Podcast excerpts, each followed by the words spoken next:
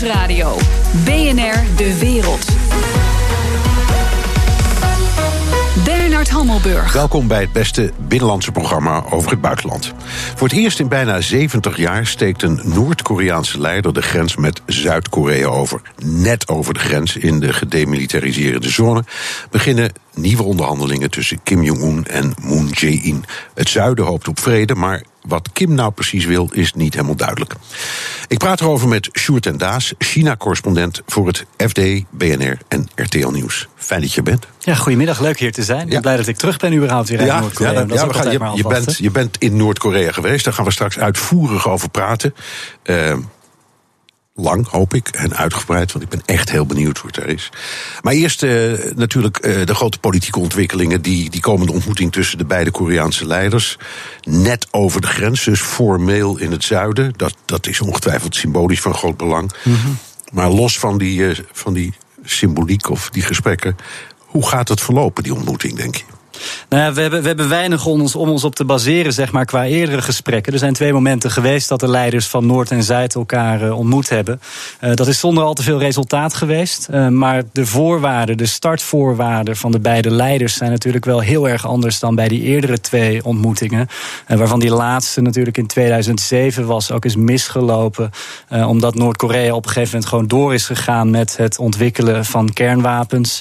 men is nu, zegt men zelf in elk geval, en dat kunnen wij maar ten dele controleren. Want we worden natuurlijk niet als journalisten toegelaten ook uh, bij de plekken waar die wapens uh, geproduceerd worden. Maar ervan uitgaande dat zij nu een kernmacht zijn, uh, brengt dat Kim Jong-un natuurlijk wel een prettige uitgangspositie met zich mee om die gesprekken nu ja, in te gaan. Want hij heeft, hij heeft in feite wat hij wilde. Dus hij, hij, hij onderhandelt met wie dan ook. Of dat nou zijn Zuid-Koreaanse collega's of zijn Amerikaanse vanuit een positie van kracht.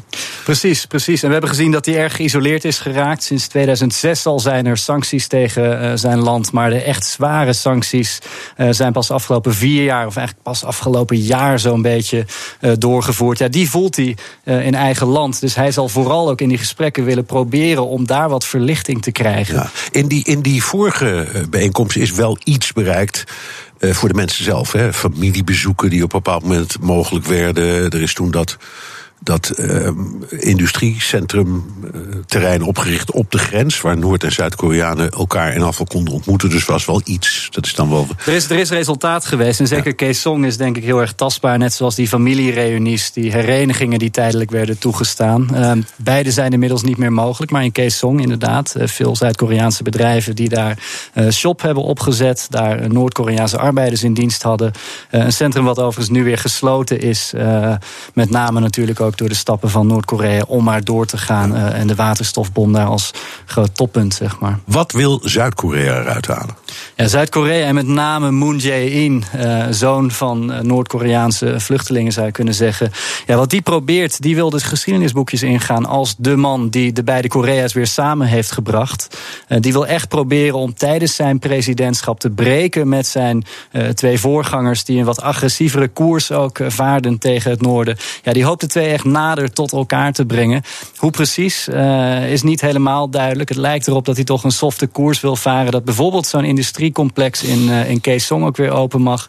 Dat er bijvoorbeeld weer familieherenigingen worden toegestaan. En dat er vandaar stukje bij beetje wordt gebouwd om de twee Korea's weer samen te brengen. En uiteindelijk natuurlijk ook, want dat is een van de, van de belangrijke dingen binnen die gesprekken, uiteindelijk te denucleariseren.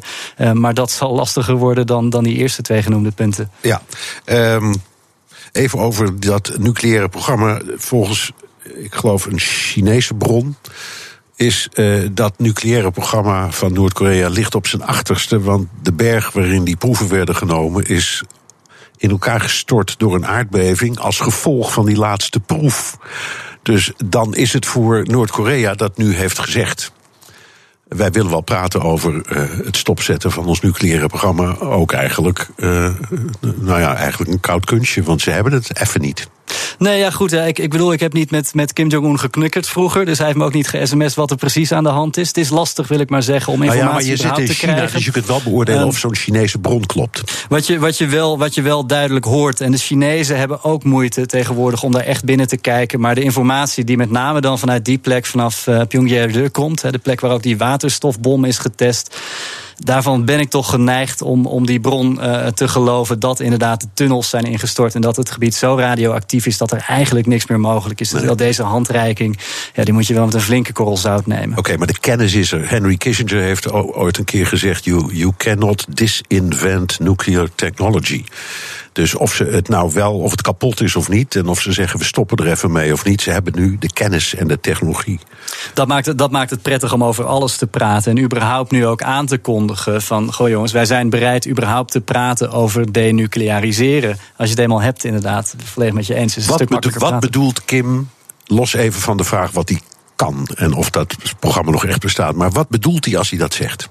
Als Kim dat... wat ik, de eerste tekst die ik las, daarvan begreep ik dat hij eigenlijk zei: Ik wil wel van mijn atoomwapens af, maar moet Amerika ook helemaal met zijn atoomwapens stoppen. Ja. Nou, dat heeft hij dan bijgestuurd. En zegt: Nou ja, dan op het Schiereiland. Maar wat wil hij? Waar is hij uit? Wat, hij, wat hij heel letterlijk gezegd heeft ook, afgelopen vrijdag was dat op een uh, bijeenkomst van, uh, van de Arbeiderspartij. Dat hij zei: Ons programma is voltooid. Dus wij hoeven ook niet meer te testen. Zeg maar. Dus wat door met name Trump ook uh, op Twitter werd uitgelegd als een grote overwinning, is iets van: ja, jongens, we hebben het, dus we hoeven niet meer te testen. Eigenlijk een keurige vent, twitterde, of zei, zei Trump plotseling. Ja, ja dat is erg opmerkelijk. Eerst, eerst een rocketman en benader zien eigenlijk wel een keurige vent. Het kan verkeren, het kan ja. verkeren. Nee, als het echt gaat om denuclearisering, dan gaat het natuurlijk ook om, om degene die eh, vanuit Noord-Koreaans perspectief dan althans aan de leiband lopen van de Amerikanen. Dan hebben we het over Zuid-Korea, hebben we het over Japan, uh, ook over de rest van West-Europa trouwens, maar dat is weer een apart verhaal. Ja, men wil gewoon dat iedereen in de hele wereld kernwapens gaat inleveren. En Pyongyang zou dan de laatste zijn uh, in dat rijtje, als je vanuit Noord-Koreaans perspectief denkt, om ook te zeggen van jongens, we leveren het in, we maken ze onschadelijk, dan doen wij ook mee. Ja. Zou Zuid-Korea, Japan waarschijnlijk niet, maar zou Zuid-Korea bereid zijn bijvoorbeeld om te zeggen: Nou, we vragen aan de Amerikanen om die uh, gevechtsvliegtuigen of bommenwerpers weg te halen.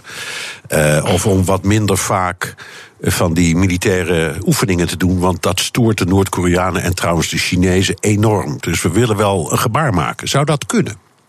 In theorie kan alles, maar dit, dit lijkt mij hoogst onwaarschijnlijk. Zelfs, zelfs, met, een, met een uh, relatief pragmatische Moon aan het roer daar, die dingen doet die, die zeker Park, uh, zijn voorganger, niet zou doen. Nee, want dat was een keiharde, hè, die vrouw. Die voert een hele strakke lijn ten opzichte van het noorden. Moon is iets pragmatischer, maar zou niet uh, zeggen: jongens, die, die, gevechten, die gevechtsoefeningen met de Amerikanen moeten we niet meer doen.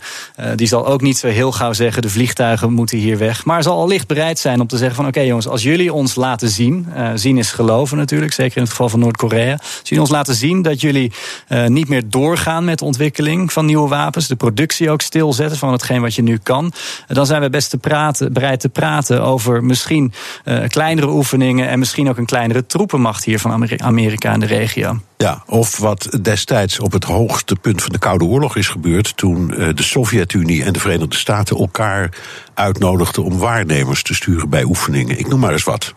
Dus we zeggen, we doen het nog wel, maar je mag meekijken. Dat zou ook zulke soort dingen. Dat zouden zou de opties zijn. En dat zijn zeker in dit dossier. Ik bedoel, we hebben, we hebben het over een, een oorlog die al een kleine 70 jaar, uh, zal ik maar zeggen, speelt. Dan zijn dit soort kleine stappen uiteindelijk wel misschien de dingen die bijdragen aan een structurelere oplossing die tot nu toe achter is gebleven. Ja, het is een opmaat naar uh, het gesprek dat Trump gaat voeren met Kim Jong-un. Is deze ontmoeting tussen Noord- en Zuid-Korea daar een voorbereiding op? Ja en nee. Um, waar het om Kim draait, hij heeft natuurlijk eerder al uh, het moment aangegrepen om ook richting Beijing te gaan met zijn uh, destijds mysterieuze trein. Um, hij is wel actief aan het kijken in de regio om naar, uh, met mensen te spreken, belanghebbenden te spreken, om in elk geval wat extra bargaining power, wat extra onderhandelingskracht te hebben in die gesprekken met Trump ook. Trump zal voor hem onvoorspelbaar zijn. Kim is dat voor Trump en voor de rest van de wereld in, tot op zekere hoogte ook. hij wil zijn eigen regime, zijn eigen bevolking, maar vooral ook zichzelf uh, veiligstellen. Um, daardoor praat hij nu met China, praat hij met Zuid-Korea. Uh, zal hij proberen hier in elk geval te laten zien dat hij erg constructief is. Uh, om dan in Trump, de Trumps gesprekken in elk geval te kunnen aantonen van ik doe mijn best. Ja, mijn indruk, baseer ik niet op mezelf, maar wat ik lees en hoor, is altijd dat wat de, Noord-Koreanen echt willen, wat echt hun droom is, is volledige erkenning door de Verenigde Staten. Dat Amerika zegt: ja, wij beschouwen jullie als echt volwassen land dat ook meetelt internationaal, dat we respecteren, waar we normaal mee kunnen praten. In feite, wat er tijdens de Koude Oorlog op een bepaald moment met Oost-Duitsland is gebeurd, dat ook als Mhm. apart land is erkend, dat heeft enorm geholpen. Is dat volgens jou wat er aan de hand is? Is dat waar Kim van droomt? Dat Trump zegt: kom op, wij kunnen best vrienden worden. Ehm, vrienden is misschien een groot woord, maar ik bedoel, het zal geen geheim zijn dat, dat zijn voorvaderen, de twee eerdere Kims, ook altijd gezegd hebben: wij willen serieus genomen worden. Wij willen het liefste met die Amerikaanse president aan tafel. Dat is tot nu toe niet gelukt. De jongste Kim wel.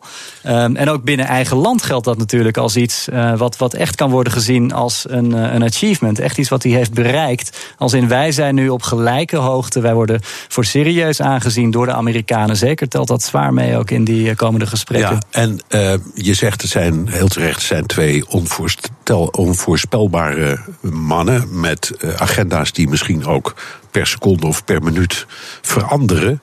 Maar als je zo eens voor je uitdenkt met wat je weet, wat denk je concreet dat eruit zou kunnen komen, zonder dat we nou meteen naïef worden?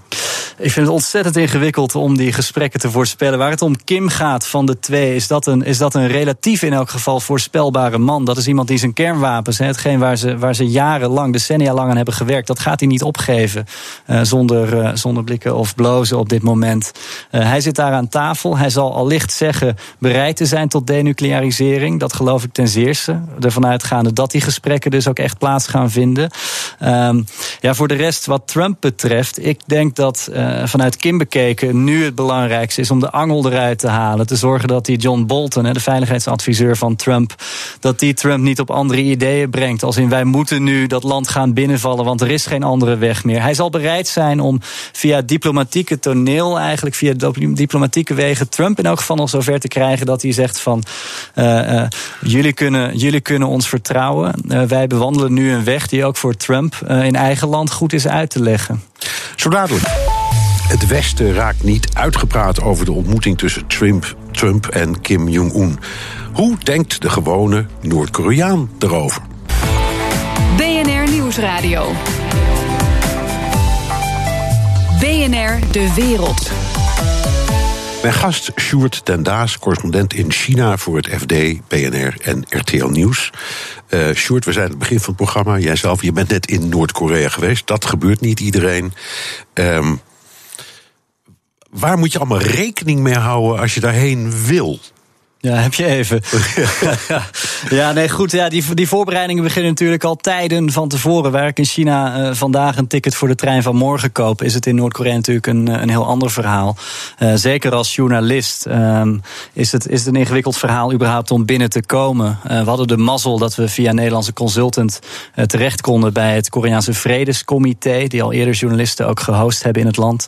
moesten daarbij wel beloven dat wij in een briefje stelden ook dat wij de waardigheid van het Noord-Koreaanse volk uh, zouden respecteren. Uh, voor hun valt dat natuurlijk op meerdere manieren uit te leggen, maar het redt ze ook in het geval van slechte publiciteit, zeg maar.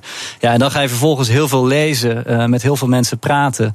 Um, wat kun je wel, wat kun je niet doen? Je, je leert, of je hoort in elk geval meermaals dat de krantjes met Kim Jong-un op de voorpagina, dat die met wat meer respect behandeld moeten worden dan andere krantjes. Ja, het zijn allemaal van die kleine voorbeeldjes die je wel even goed in je kop moet hebben zitten voordat je natuurlijk die kant op gaat. Ja, en als je er dan bent, kun je dan je vak uitoefenen? Uh, of word je voortdurend begeleid door mensen die ongeveer alles verbieden wat je zou willen? Stellen van vragen, ontmoeten van mensen. Vertel. Nou ja, de, de concessie die je moet doen uh, van tevoren is dat je je verbindt aan de twee minders, de twee oppassers die je constant bij je hebt vanaf het vliegveld uh, tot het moment dat je uiteindelijk weer op die vlucht terug naar Beijing stapt. Uh, die bepalen het hele je programma. hebt het voorrecht om met de Noord-Koreaanse luchtvaartmaatschappij te vliegen? Het voorrecht om met Air Koryo te vliegen. Ja. Dat is tot nog toe bekend als de meest slechte luchtvaartmaatschappij ter wereld. Ter ja. wereld ja. Volgens Skytrax. Dus dat was even billen knijpen, maar gelukkig goed gekomen. We kunnen het allemaal navertellen. Ja, um, maar goed, je hebt dan minders, dus mensen die je in de gaten houden. Um, hoe? Nou ja, goed, dat, dat begint heel duidelijk eigenlijk aan het begin al. Van jongens, dit is het programma. Um, we gaan nu eerst naar jullie hotel. Jullie mogen binnen de bus als jullie willen opnames maken.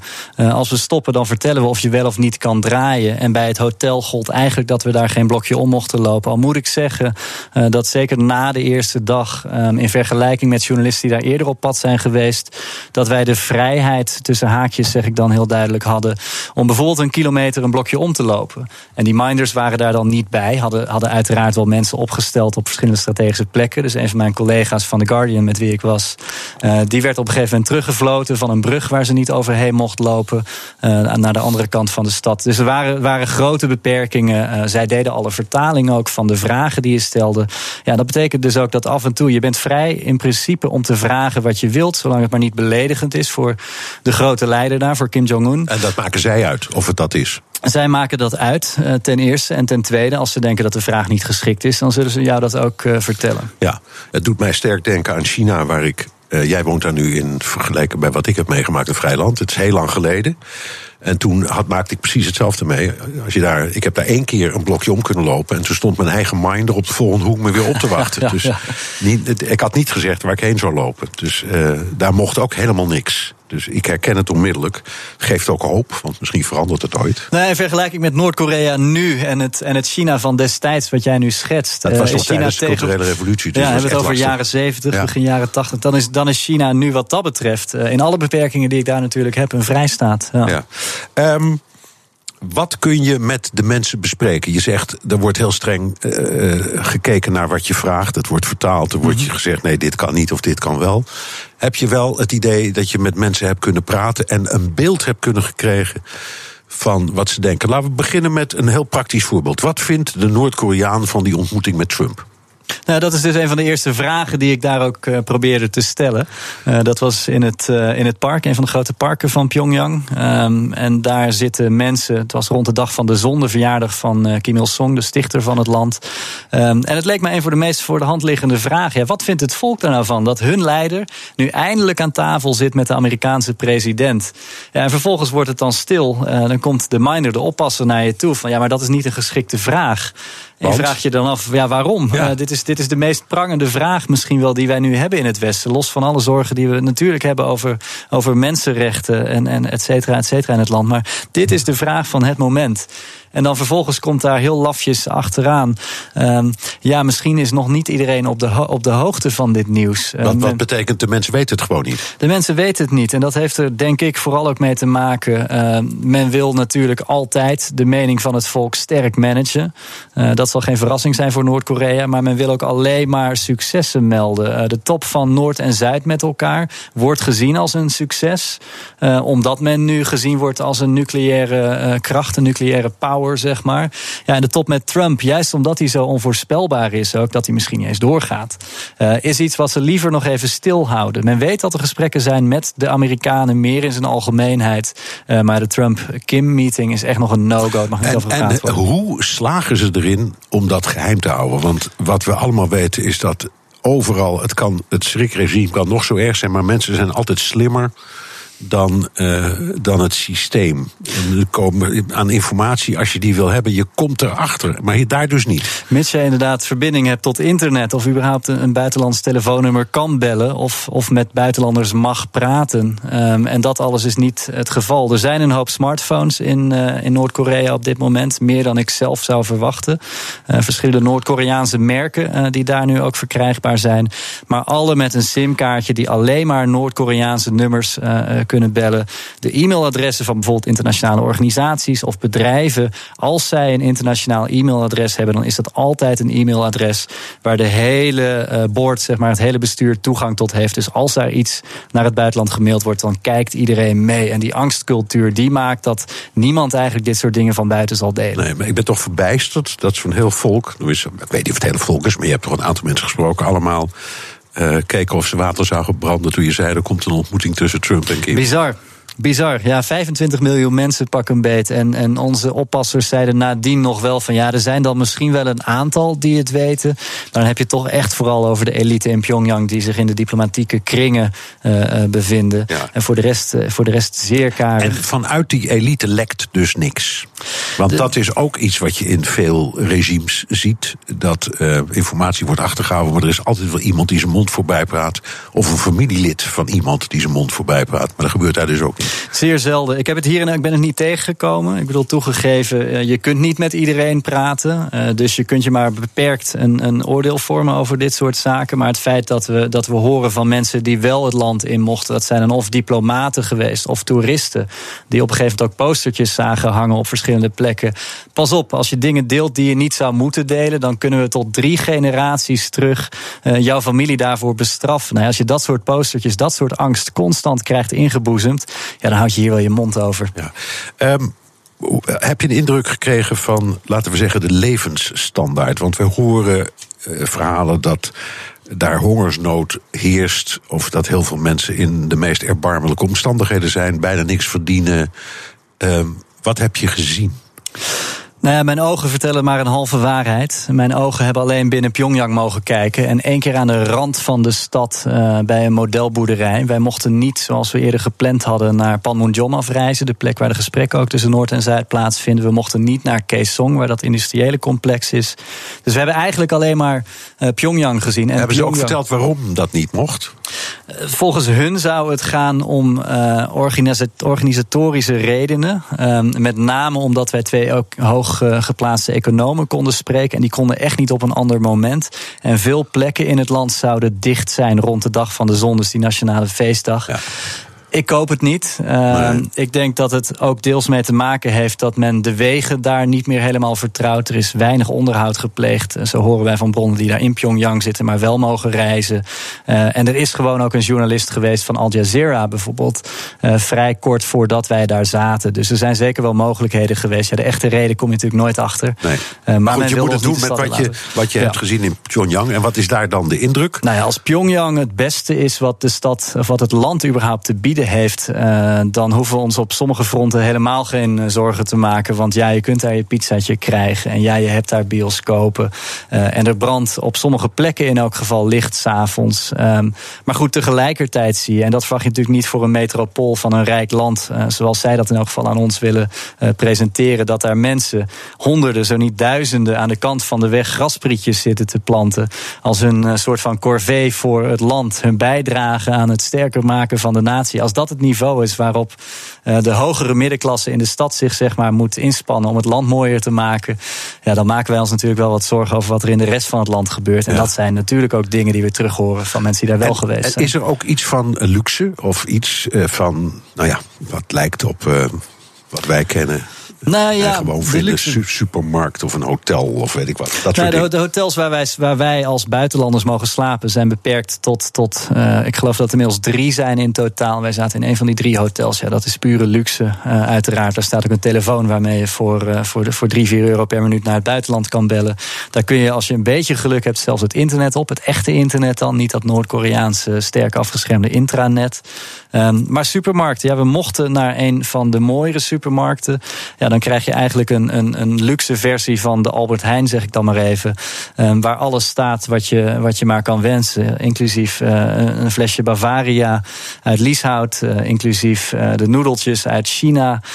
sausjes uit China. Japanse spullen, dolfzeep. Vul het allemaal maar in. Je kunt daar best een hoop krijgen. En er wordt daar ook best veel gekocht. Maar de kanttekening die je daarbij uiteraard moet plaatsen... is dat het echt een zeer, zeer gemilleerd gezelschap is. Een heel klein deel van de bevolking die zich dat kan permitteren. Ja. In, in, in China hadden ze destijds iets dat heet, ik weet niet of het nog is, Friendship Stores. Friendship Store is er nog altijd. Die is er nog altijd. Maar ja. als je dat uitzocht, dan bleek dat alleen maar voor diplomaten, buitenlanders en een klein stukje van de elite toegankelijk te zijn. Ja. Maar de gewone Chinees kon er niet in. Nee. Is het daarmee te vergelijken? In, die, dat, in dat licht moet je dit echt wel plaatsen. Want dit is niet een plek waar je heen gaat als je snel eventjes een, een, een, een nieuwe, een nieuw bord noedels wil halen. Geef eens een idee van wat een Noord-Koreaan verdient? Wat is het salaris? En wat kost nou zo'n flesje Bavaria? Ik noem maar eens wat. Nou, het flesje Bavaria omgerekend uh, in wons. En de wons zijn niet helemaal vrij verhandelbaar. Als buitenlander kun je niet aankomen. Maar als je dat een beetje op de weegschaal legt, is het rond de 2,20 euro zo'n beetje voor een, uh, voor een halve liter. Um, kijk je naar de salarissen. In principe is het zo in, uh, in Noord-Korea, zo is mij keer op keer verteld, in een socialistische staat, wat Noord-Korea natuurlijk is, krijgt iedereen zijn huiscadeau van de overheid overheid, krijgt iedereen sociale zekerheid. Alle verzekeringen zijn dus betaald. Ja, en krijgt iedereen ook voldoende eten. Um, nou goed, in de praktijk uh, zijn die verschillen veel groter dan je zou denken. Um, niet verwonderlijk, denk ik ook eigenlijk. Um, maar ligt het salaris, ja, als je echt goed verdient in Pyongyang op 300 dollar. Uh, maar het gemiddelde maar overheidssalaris is 10 dollar per week. Dus dan zit je op 40 dollar ongeveer einde van de maand. Ja. Dank, Sjoerd den Daas, China-correspondent voor het FD, BNR en RTL Nieuws... voor deze update uit de heilstaat Noord-Korea. BNR Nieuwsradio. BNR De Wereld. Europese wanhoop na het bezoek van de Franse president Macron aan Amerika. Ondanks alle knuffel en kusjes heeft het bezoek bitter weinig opgeleverd. Nu is het de beurt aan de Duitse bondskanselier Angela Merkel. En zij lijkt de handdoek al voor het bezoek in de ring te hebben gegooid. Een uitgebreide blik op Europa deze week met Europa-verslaggever Jesse Pinster en onze correspondent in de Verenigde Staten, Jan Postma. Jan, Angela Merkel zal deze week met gemengde gevoelens naar uh, Trump en Macron hebben gekeken, neem ik aan. Ja, de, uh, twee dingen eigenlijk uh, die, die meetellen. Ze gaat natuurlijk morgen bij Trump op bezoek in het uh, Witte Huis. En ik denk dat zij vooral een beetje dat, dat show-element, dat, ze dat, dat zal ze ook mee hebben gekregen. Hè. Dat was Macron die eigenlijk een beetje de show stal deze week. Je noemde het al, met alle knuffels en kusjes en zo. En ja, al die plaatjes van, van die, die handen schudden, de mannen, van het lachen, van het knuffelen. Ja, daar kan Merkel niet echt iets tegen inbrengen. En ja, het lijkt erop dat nee, Macron... Dat zien, we er, dat zien we er niet 1, 2, 3 doen, eerlijk is eerlijk. Nee, nee, het was de vorige keer dat zij dat Witte Huis was, was het toch vooral een beetje ongemakkelijk, hè? Dat, uh, ja. uh, of dat ze elkaar ontmoeten in ieder geval. En het lijkt erop dat Macron, die heeft toch echt wel een manier gevonden. En, en uh, bij Merkel merk je aan alles aan de lichaamstaal van, ja, de, de, ze mag hem eigenlijk niet zo, die Trump.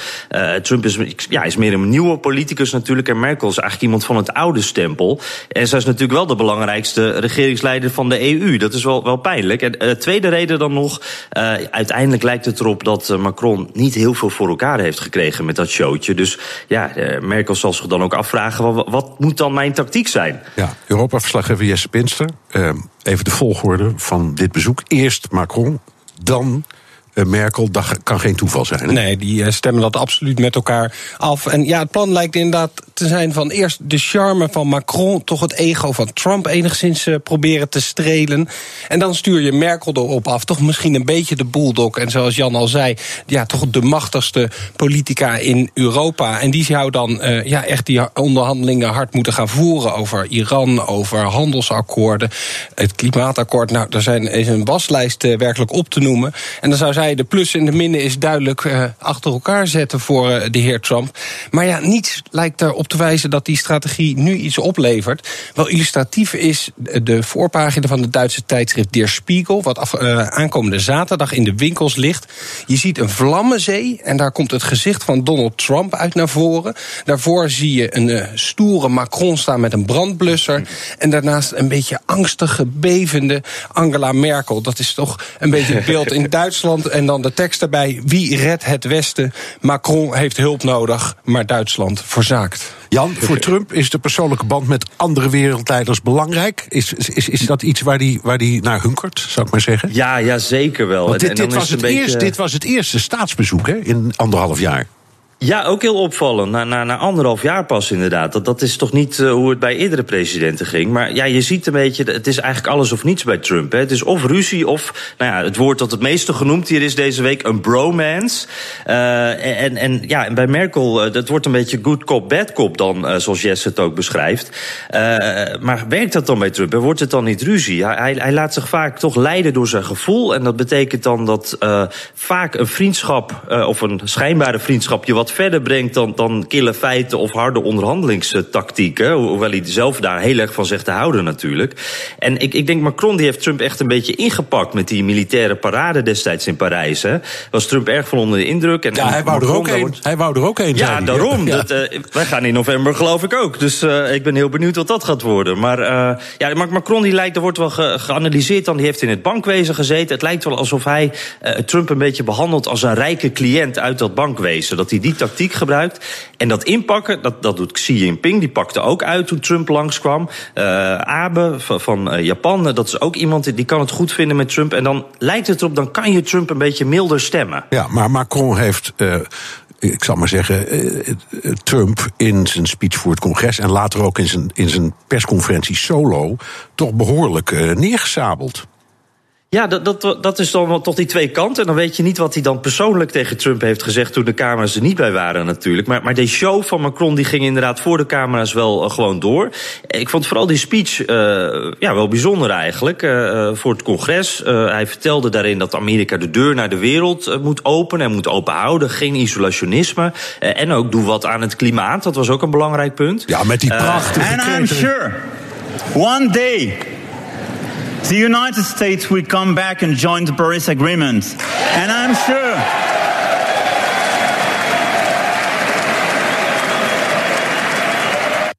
Ja. ja, daar kwam je even wat eerder dan ja, verwachten. Ja, omdat, ik, omdat ik heb zitten kijken en ik was helemaal weg van die uitdrukking.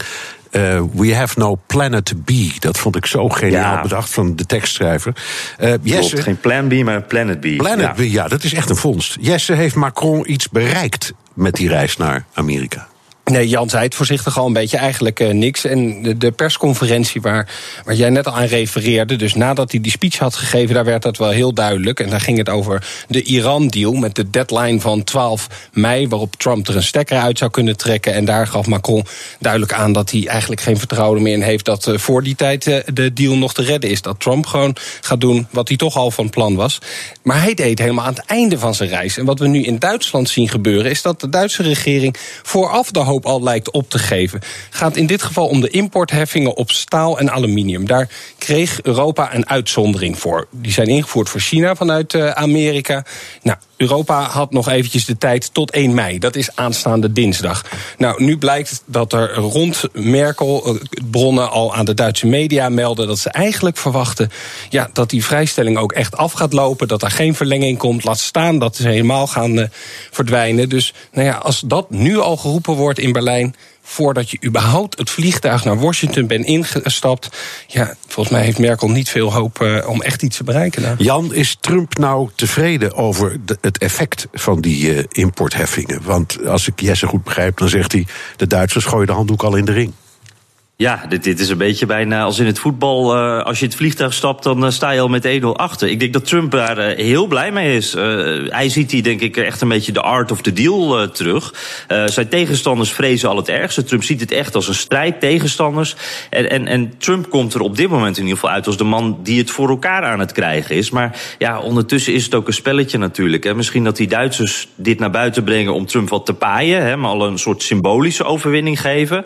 en het dan toch wat extra's proberen uit te halen, dat weten we natuurlijk allemaal niet. Dat, wordt ook wel eens gesuggereerd dat het Xi, Jinping, dat, uh, die natuurlijk ook met China bezig is om, om, te onderhandelen, dat die dit ook een beetje doet. Symbolische dingen geven, maar pick your battles. Maar goed, dat, uh, dat weten we pas als uh, de eindafrekening komt. Ja, en, en er is ook een theorie dat uiteindelijk het beleid van Trump er is opgericht om Europa mee te krijgen in de strijd, zou ik maar zeggen, tegen China. Hè? Dat speelt ook ja, zeker. Dus het kan ook oh, tactiek dat... zijn allemaal. Absoluut, het kan allemaal tactiek zijn. Alleen dat weet met Trump, uh, je weet het natuurlijk nooit, maar met Trump weet je ook nooit helemaal waar nou zijn persoonlijke uh, hang naar chaos en, en ja, een beetje ad hoc beslissingen en waar, waar dat eindigt en waar de tactiek begint. Dus dat maakt het ook voor de onderhandelaars natuurlijk een beetje extra ingewikkeld. Ja. Jesse, hoe hard gaan deze importheffingen Nederland raken? Nederland was een van de eerste landen die aan de bel trok, hè? Tata Steel. Ja, nee, niet verrassend dat Nederland aan de bel trekt. Nog heel eventjes over Europa. Ik bedoel, ze kunnen best bondgenoten zijn. Er wordt zoveel bedacht in Brussel om juist het dumpen van goederen uit China tegen te houden. Dus je zou denken, waarom trek je daar niet samen op? Maar het lijkt nog niet heel erg te werken. Dan nog even terug naar Nederland. Inderdaad, vandaag kwam het de CBS, het Centraal Bureau Statistiek, met cijfers over de Nederlandse export van staal. Nou, dan blijken daar vier Europese landen te zijn waar we dan wel meer naar exporteren. Maar er gaat toch zo'n 570 miljoen euro in het afgelopen jaar gaat er dan naar Amerika. En dat is een wel een combinatie van staal wat we echt hier fabriceren, Tata Steel, of wat we doorvoeren, waar misschien dan nog wel een kleine bewerking aan uh, plaatsvindt. Nou verdien je veel meer aan het staal wat je zelf produceert. En als je dan naar de Amerikaanse balans tussen die twee kijkt, dan gaat het toch vooral om zelfgemaakt uh, staal. Dus dan word je toch wat harder geraakt. En het is natuurlijk ook nog eens een keten. Dus weet je, als Duitsland ook geen staal meer naar Amerika, of het is niet dat het stil komt te liggen, maar dat dat. Nou, met tarieven. Ja, dat het toch ineens ook minder wordt. Of in ieder geval wordt het staal vanuit Europa duurder. Ook de grondstoffen die wij weer aan de Duitse industrie leveren om de staal te maken. Weet je, dus het heeft ook een knock-on effect hoeveel je daarvan gaat merken. Ja, hoe gaat eh, de EU terugslaan als die importheffingen er komen? Nou, weet je nog, toen eh, het voor het eerst ter sprake kwam dat Jean-Claude Juncker, de voorzitter van de Europese Commissie, begon over bourbon, spijkerbroeken en Harleys, om dat maar eens aan te gaan pakken. Dat is natuurlijk een beetje symboolmaatregelen, uh, uh, hoewel ze nou ja, voor die bedrijven die dat maken natuurlijk vrij serieus zijn. Ja, je ziet dat bijvoorbeeld de woordvoerder van Merkel heel erg benadrukt we moeten de boel niet escaleren. Dus dat is toch een vrij voorzichtige benadering. De Duitse minister Altmaier van Economische Zaken... die uh, benadrukt nog eens dat er een hevig debat aan de gang is... in Frankrijk hierover welke kant het op moet gaan. Dus ja, weet je, Europa worstelt nog een beetje met... hoe eensgezind ze daar dan werkelijk over zijn. Dus ik zou ze toch nog één tip willen geven. Luister misschien nog eens een keer naar de Duitse minister Sigmar Cabrio. Oud-minister Economische Zaken. Vorig jaar werd hem gevraagd... ja, hoe kan Trump ervoor zorgen dat je meer Amerikaanse auto's op de Europese wegen krijgt? Was raten Sie denn Donald Trump? Was muss passieren, damit auf deutschen Straßen mehr amerikanische Chevrolets fahren? Bessere Autos bauen in den USA. De tip voor Trump: ga betere auto's bouwen. En gelijk heeft hij. Dank, Europa-verslaggever Jesse Pinster en onze correspondent in de Verenigde Staten, Jan Postma.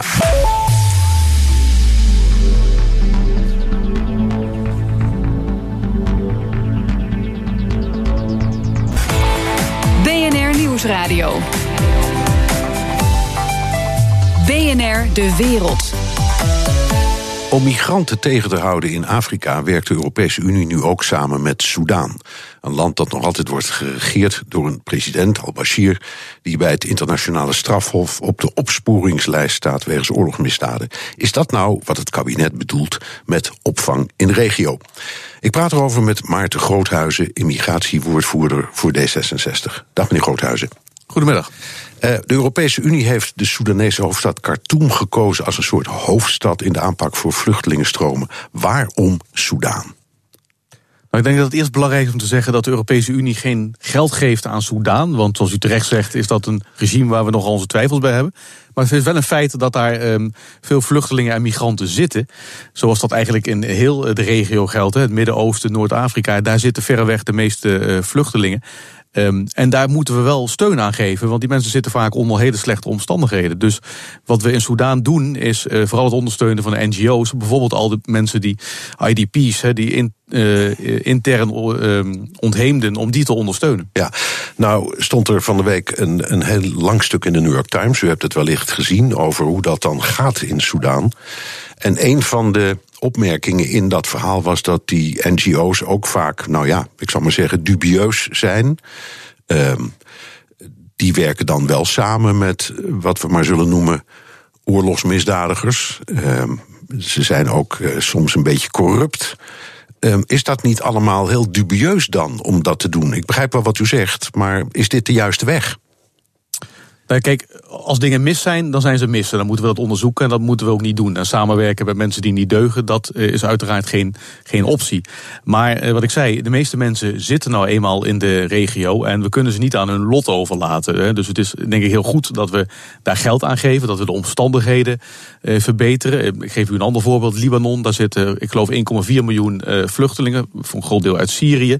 Dat is ongeveer 25% van de bevolking. Als wij Libanon daar niet bij helpen, hebben ze een enorm probleem en hebben die mensen geen enkel perspectief op hun toekomst. Dus ja, het is, het is altijd een beetje zoeken naar de juiste balans. Uh, dus uh, zaken doen met foute mensen uiteraard niet. Maar mensen die uh, problemen hebben ondersteunen wel. Ja, maar het, het laat, de, laat onverlet dat de NGO's in Soedan, waar volgens dat stuk in de New York Times meer dan 100 miljoen euro vanuit Europa heen gaat, dat die NGO's op hun beurt wel samenwerken, bijvoorbeeld met het regime van Bashir. Um, hebt u dan desondanks vertrouwen dat het goed terechtkomt? Nou, dat is denk ik een terechte vraag. Ik bedoel, je moet altijd goed toezien op, eh, op de besteding van het geld. Daar moeten voorwaarden aan zijn, daar moet uh, controle op zijn. Dat, dat, die, dat toezicht moet ook onafhankelijk zijn, zodat geld goed uh, besteed wordt. Daar ben ik, ben ik helemaal met u eens. Maar laat ik u een ander voorbeeld geven. Ook een heel problematisch land. Libië. We weten dat daar vele duizenden mensen in, in detentiecentra zitten. Dus een heel complex land, een heel, heel ingewikkeld land met een nou ja, eigenlijk geen werkende staatsstructuur. We hebben de laatste maanden best wel succes geboekt met mensen uit die detentiecentra halen. Er zijn 15.000 mensen ongeveer uit die detentiecentra die terug zijn gegaan naar het land waar ze vandaan komen. Dat is een enorme overwinning. Maar dat kun je ook alleen maar doen op het moment dat internationale organisaties zoals IOM, UNHCR daar ter plekke zijn en daar actief zijn. Dus ja, helemaal de deur dicht doen is volgens mij nooit een optie, omdat mensen daar niet beter worden. Maar ik ben het helemaal met u eens. Je moet altijd wel kritisch kijken met wie werk je samen. En uh, wordt het geld goed besteed en belandt het niet in de zakken van verkeerde mensen. Ja, ja uw partijgenoot, uh, minister Kaag van Ontwikkelingssamenwerking, die zei ook: de praktijken in die kampen die zijn echt mensonterend. Maar u zegt, we hebben ook gehandeld aan de hand van die kennis. Precies. En, uh, en, we hebben... en, hoe dan? Leg uit, hoe gaat dat dan? Want je zegt, nou, er zitten een heleboel mensen in die vreselijke kampen. Ja. Uh, dat valt op. We gaan ze daar op de een of andere manier zien uit te halen en terugkrijgen. Hoe werkt dat dan? Nou, um, dat werkt dus via UNHCR en uh, IOM, de Internationale Organisatie voor Migratie. Die mensen worden, daar wordt gekeken um, waar komen ze vandaan, waar willen ze uh, naartoe. En dan worden die mensen teruggebracht naar bijvoorbeeld Mali of Sierra Leone of nou ja, waar ze vandaan komen. De meeste mensen in Libië komen, komen uit Afrika. Um, en die organisaties die zorgen dat die mensen zo snel mogelijk uit die detentiecentra gaan en naar huis gaan. Ik, we hebben gisteren een brief gehad van het kabinet. En daar staat ook in dat sinds het bezoek van Sigrid Kraag er weer vijf detentiecentra zijn gesloten. Er zijn, ik zei het al, inmiddels 15.000 mensen de laatste pak een beet vier, vijf maanden uit die detentiecentra gehaald. En er wordt nu gewerkt aan een soort uh, open uh, faciliteit. Uh, waarin de meest kwetsbare mensen kunnen worden opgevangen. Dus dan zitten ze niet meer opgesloten, is er goede zorg en kunnen we van daaruit kijken waar kunnen die mensen naartoe? Kunnen die naar het land van herkomst? Of zitten er, want er zijn natuurlijk ook echte vluchtelingen tussen die we misschien in Europa moeten helpen. Ja, en uh, dat, dat laatste gebeurt dan ook als u zegt we constateren dat er, dat er echte vluchtelingen. Uh, bij zijn, bijvoorbeeld uit, ik weet wat, Eritrea of zo, dat die ook echt terechtkomen in Europa? Ja, dat gebeurt ook. Er zijn uh, uh, behoorlijk wat mensen al. Uh, en meestal gaat het dan via Mali of Niger, niet via Libië zelf. Maar er zijn behoorlijk wat mensen die naar Europa zijn, zijn overgebracht. He, de, de, de gedachte is wel dat het grootste deel van de mensen wat via Libië komt, dat dat toch geen vluchtelingen zijn in de zin van het vluchtelingenverdrag. Maar heel veel mensen die om, nou, om andere redenen huis en haard verlaten. maar er zitten ook zeker mensen tussen die er wel aanspraak op maken. En die moeten we natuurlijk goed daartussenuit selecteren. Ja. En daar moet Europa ook zijn verantwoordelijkheid het, het, doet mij aan iets denken. De BBC heeft als beleidsmaatregel afgekondigd dat ze dat onderscheid niet meer maken. Die hebben het nu alleen nog maar over migranten. En die zegt dat geldt eigenlijk voor allen. Want of je nou vlucht voor een oorlog of voor erbarmelijke omstandigheden in het land waar je vandaan komt, dat maakt eigenlijk niet veel uit.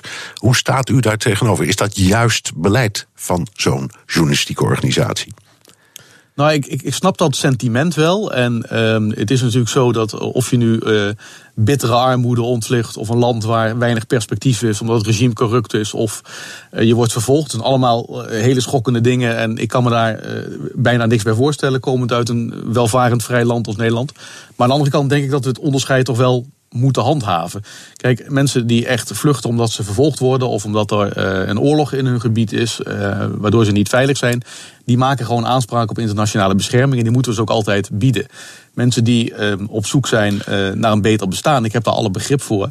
Maar we moeten wel kijken hoe we dat dan kunnen vormgeven. En ik denk dat wat dat betreft, nou ja, een van de goede stappen die ook in het regeerakkoord wordt gezet, en, en ook u heeft vast de, de recente migratiebrief gelezen, is dat we willen werken aan legale migratieroutes. Zodat bijvoorbeeld mensen uh, die gewoon een aantal jaren in Europa willen werken om geld te verdienen voor hun familie, om uh, een vak te leren, om vaardigheden op te doen, dat we die makkelijker naar Europa kunnen halen en dat die na een aantal jaren ook weer teruggaan. Dan denk ik dat je ook bijdraagt aan, aan een oplossing van, van die enorme uh, potentie aan migranten. Dat Goed, maar dat, dat vereist altijd opnieuw samenwerking met lokale krachten. En die zijn stuk voor stuk dubieus. Zelfs als je het via een NGO doet. Want u zegt net, in die vreselijke kampen in Libië, waar we nu mensen uithalen, daar gaan er een heleboel van terug naar Sierra Leone en andere landen waar ze vandaan kwamen. Maar die mensen zullen zeggen: ja, maar dat is een ramp wat je me aandoet. En je werkt daarvoor samen met regeringen die de, de Europeanen dat beleid helpen uitvoeren, omdat Europa nou eenmaal heeft besloten dat de opvang in de regio moet. Ik denk dat we een, onderscheid moeten maken. Opvang in de regio is niet een soort uh, beleidspunt, maar dat is gewoon de werkelijkheid. Ongeveer 95% van de vluchtelingen wordt nou eenmaal in de regio opgevangen. En daarom is het, daar begon ik mee, zo belangrijk dat we daar ook in investeren. Want anders laten we die mensen aan hun lot over en ook de landen waar ze zitten.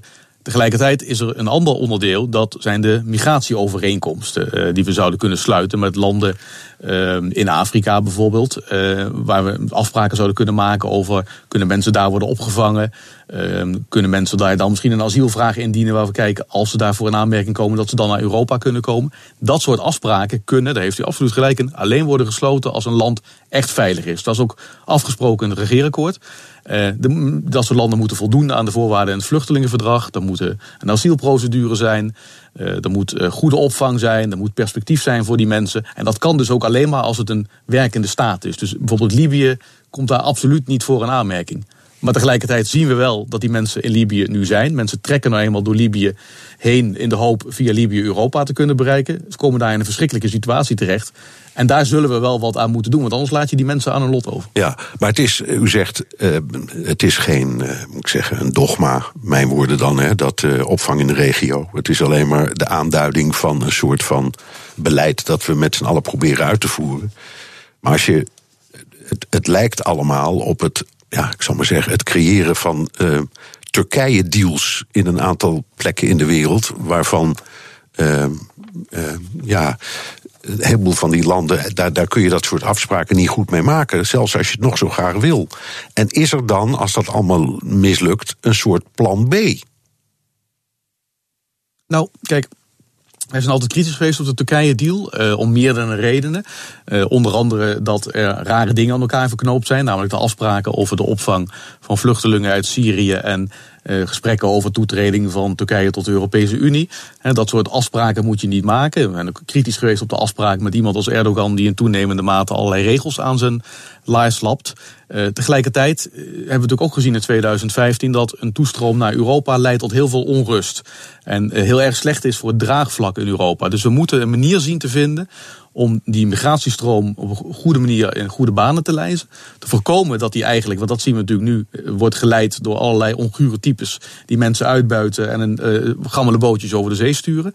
En tegelijkertijd perspectief bieden aan de echte vluchtelingen dat ze altijd naar Europa kunnen. Ja. En ik denk dat we daar een aanzet voor hebben gegeven. Is, is, om het heel simpel te houden, het onderwerp mensenrechten belangrijker de compassie voor vluchtelingen, is dat belangrijker dan uh, op, dat, dat dogmatisch klinkende opvang in de regio?